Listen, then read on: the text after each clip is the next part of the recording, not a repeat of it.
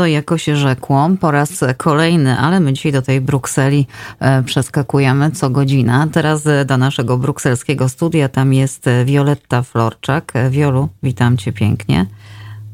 Dzień dobry, Olu, witam naszych słuchaczy. A jak tam u ciebie ze słońcem jest, czego nie ma?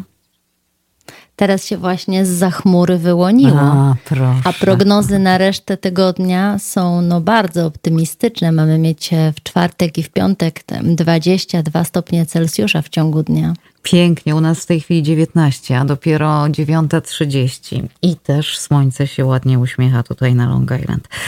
No to cieszymy się takimi prezentami e, od natury, bo przecież e, już mamy prawie listopad, jakby na to nie patrzeć, więc.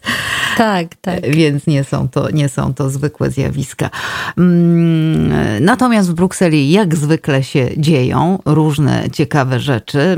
Godzinę temu rozmawialiśmy z profesor Hibner. Wydaje mi się, że do spodu wyjaśniła kwestie funduszowe e, i wszystkie te głupie wypowiedzi obaliła, jakoby Polska była traktowana jakoś inaczej niż inne kraje, jakoby to nie wiadomo wiadomo, e, co Polska zrobiła, Unia miała złą wolę.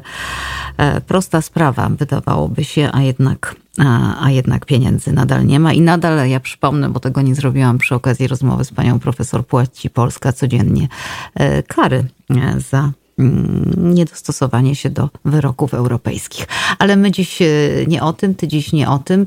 Ty dziś między innymi o ustawie o sztucznej inteligencji.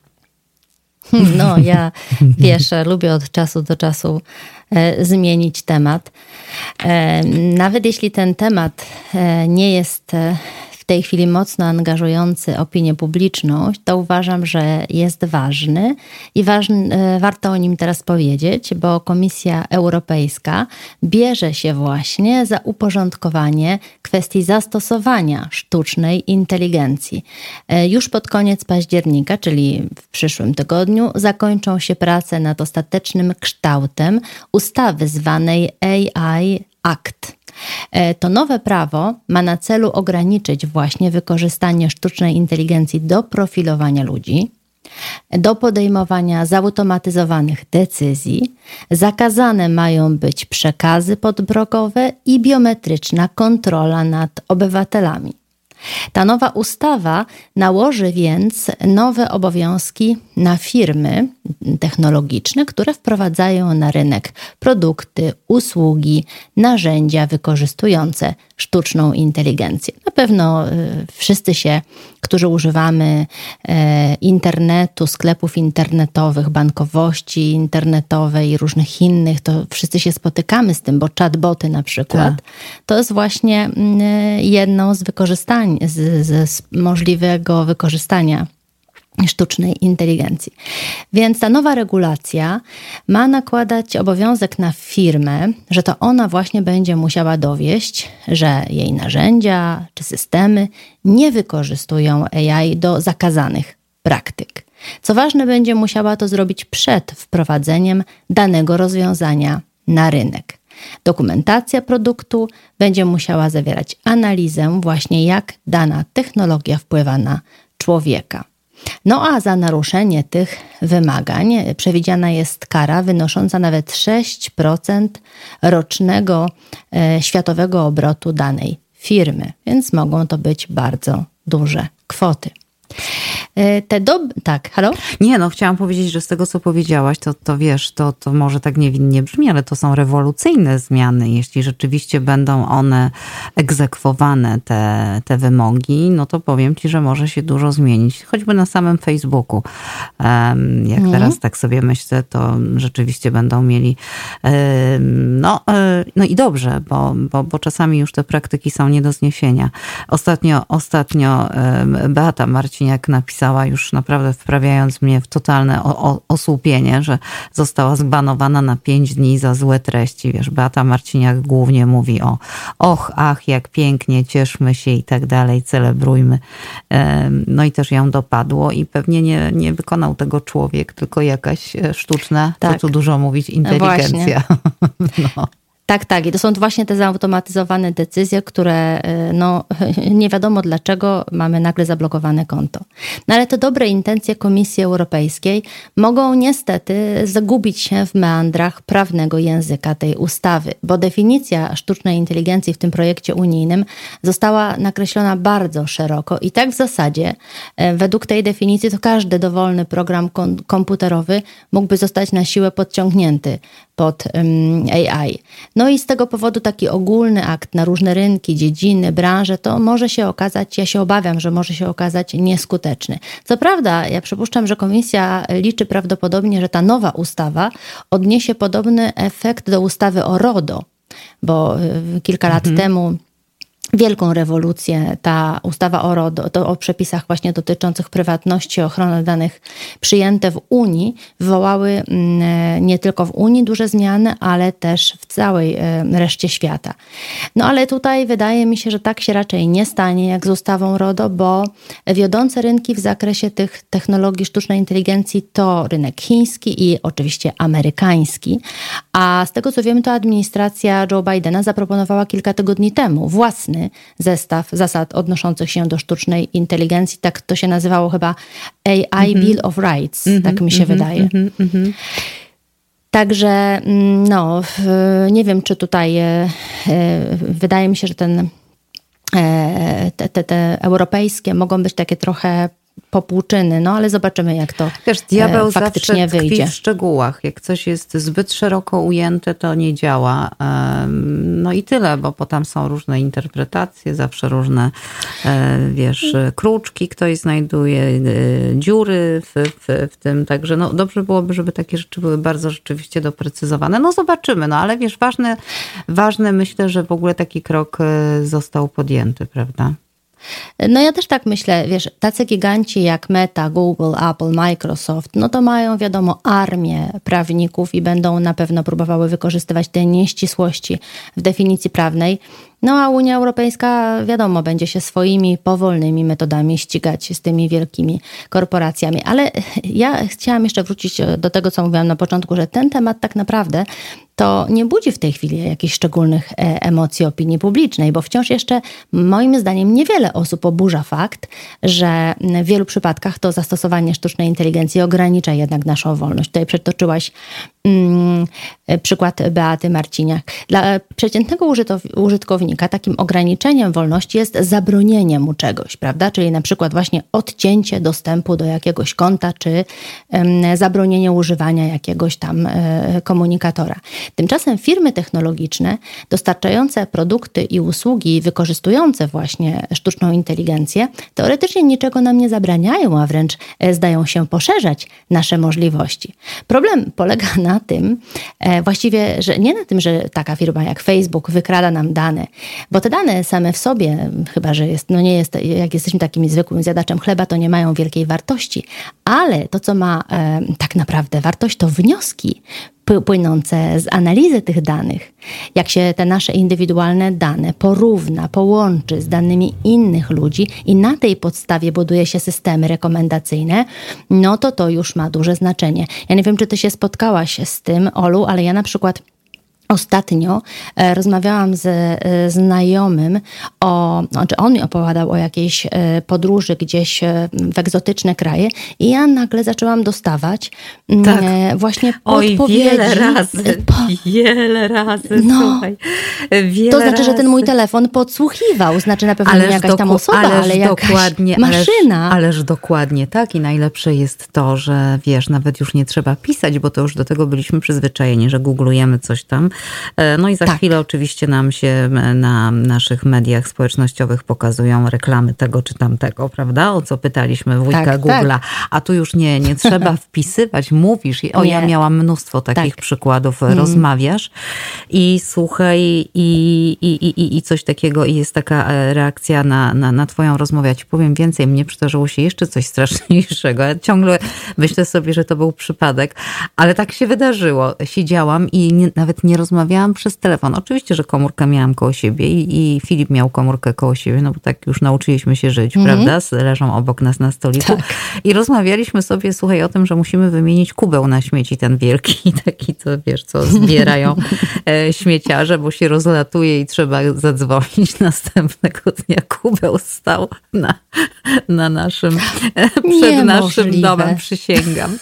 Przysięgam, wieczorem. I ja mówię, o, ale się pospieszyłeś, mówię, załatwiłeś ten kubę. On mówi, co ty, ja nawet nie, e, nie, nie dotknąłem telefonu w tej materii. No.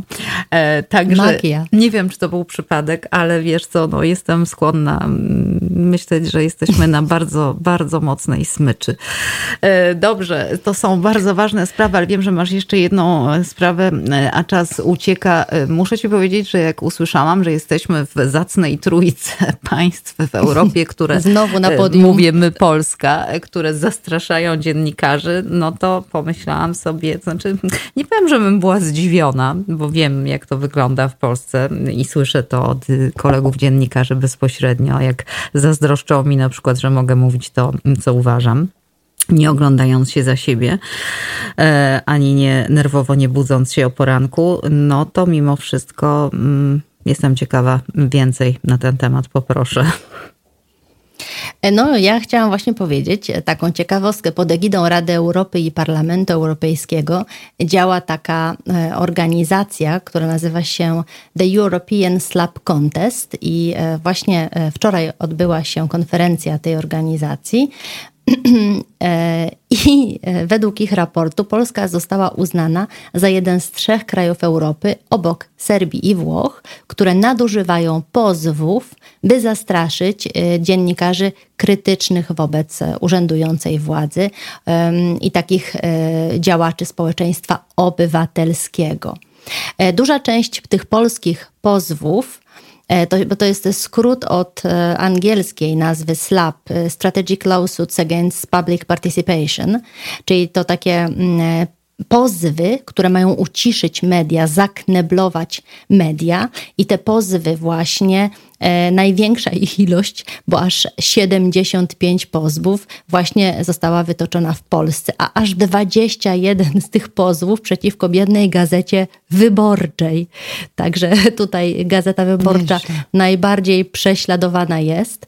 A, a akurat e, tak sobie pomyślałam, bo jak dzisiaj e, rozmawiałaś z E, profesor Hibner, to mm, przypomniało mi się, to właśnie w Gazecie Wyborczej jest e, świetny artykuł o tym właśnie, jak to e, PiS sabotuje. E, właśnie e, jaki to jest polityczny sabotaż Polski, e, to, to co PiS robi właśnie wobec tych pieniędzy unijnych. Także też, też bardzo ładnie jest to wyjaśnione w Gazecie Wyborczej dzisiaj. Artykuł mm -hmm. polecam. Mm -hmm. Ja już nie chciałam być ostra w słowach rozmawiając z panią profesor ze względu na szacunek do, tak. do niej, ale to, to jest po prostu taka prywata, wiesz, polityczna. To jest takie działanie na szkodę państwa, żeby, rozumiesz,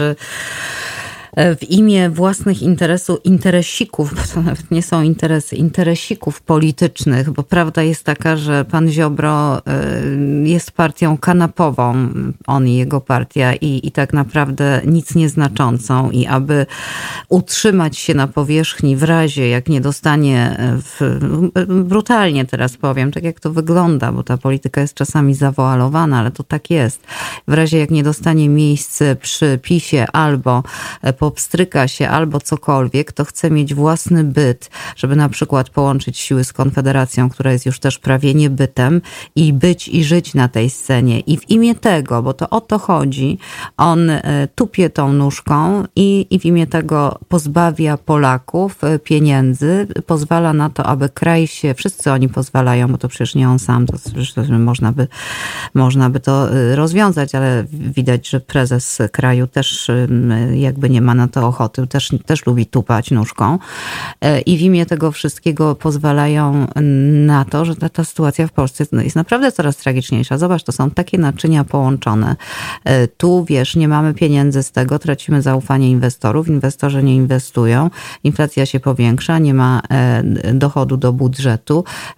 Ci, wiesz, będą pewnie dodrukowywać, no bo słyszałaś, co mówiła pani profesor, za bardzo innego wyjścia już nie mają, a jak będą dodrukowywać, to inflacja inflacja będzie jeszcze, jeszcze rosła i za chwilę, wiesz, po chleb będą chodzić Polacy z reklamówką pieniędzy. Ja, jeszcze, ja pamiętam tamte czasy, kiedy złotówka... Mm, tak, ale mówiąc właśnie o, o czasach, to mnie się, jak w, w tym właśnie artykule wspomnianym z Gazety Wyborczej, autor tego artykułu porównuje tę sytuację do sytuacji z roku 1948, kiedy to Polska odrzuciła plan Marszala. Mm -hmm, a odrzuciła plan Marszala, no wiadomo, pod wpływem musieliśmy, nie mieliśmy ZSRR. Tak, ZSRR.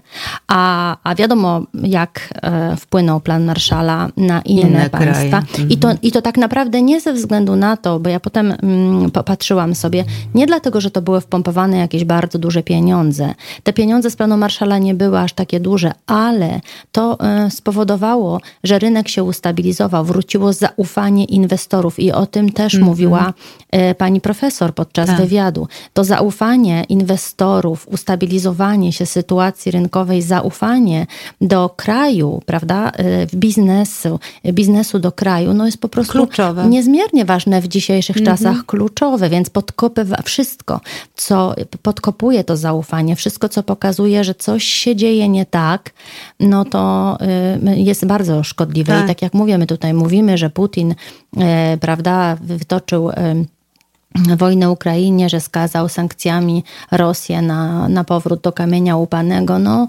tak, no ale tak się, się zastanawiam, czy ci, co, mhm. ci, co o tym mówią, prawda, e, nie robią tego samego. No.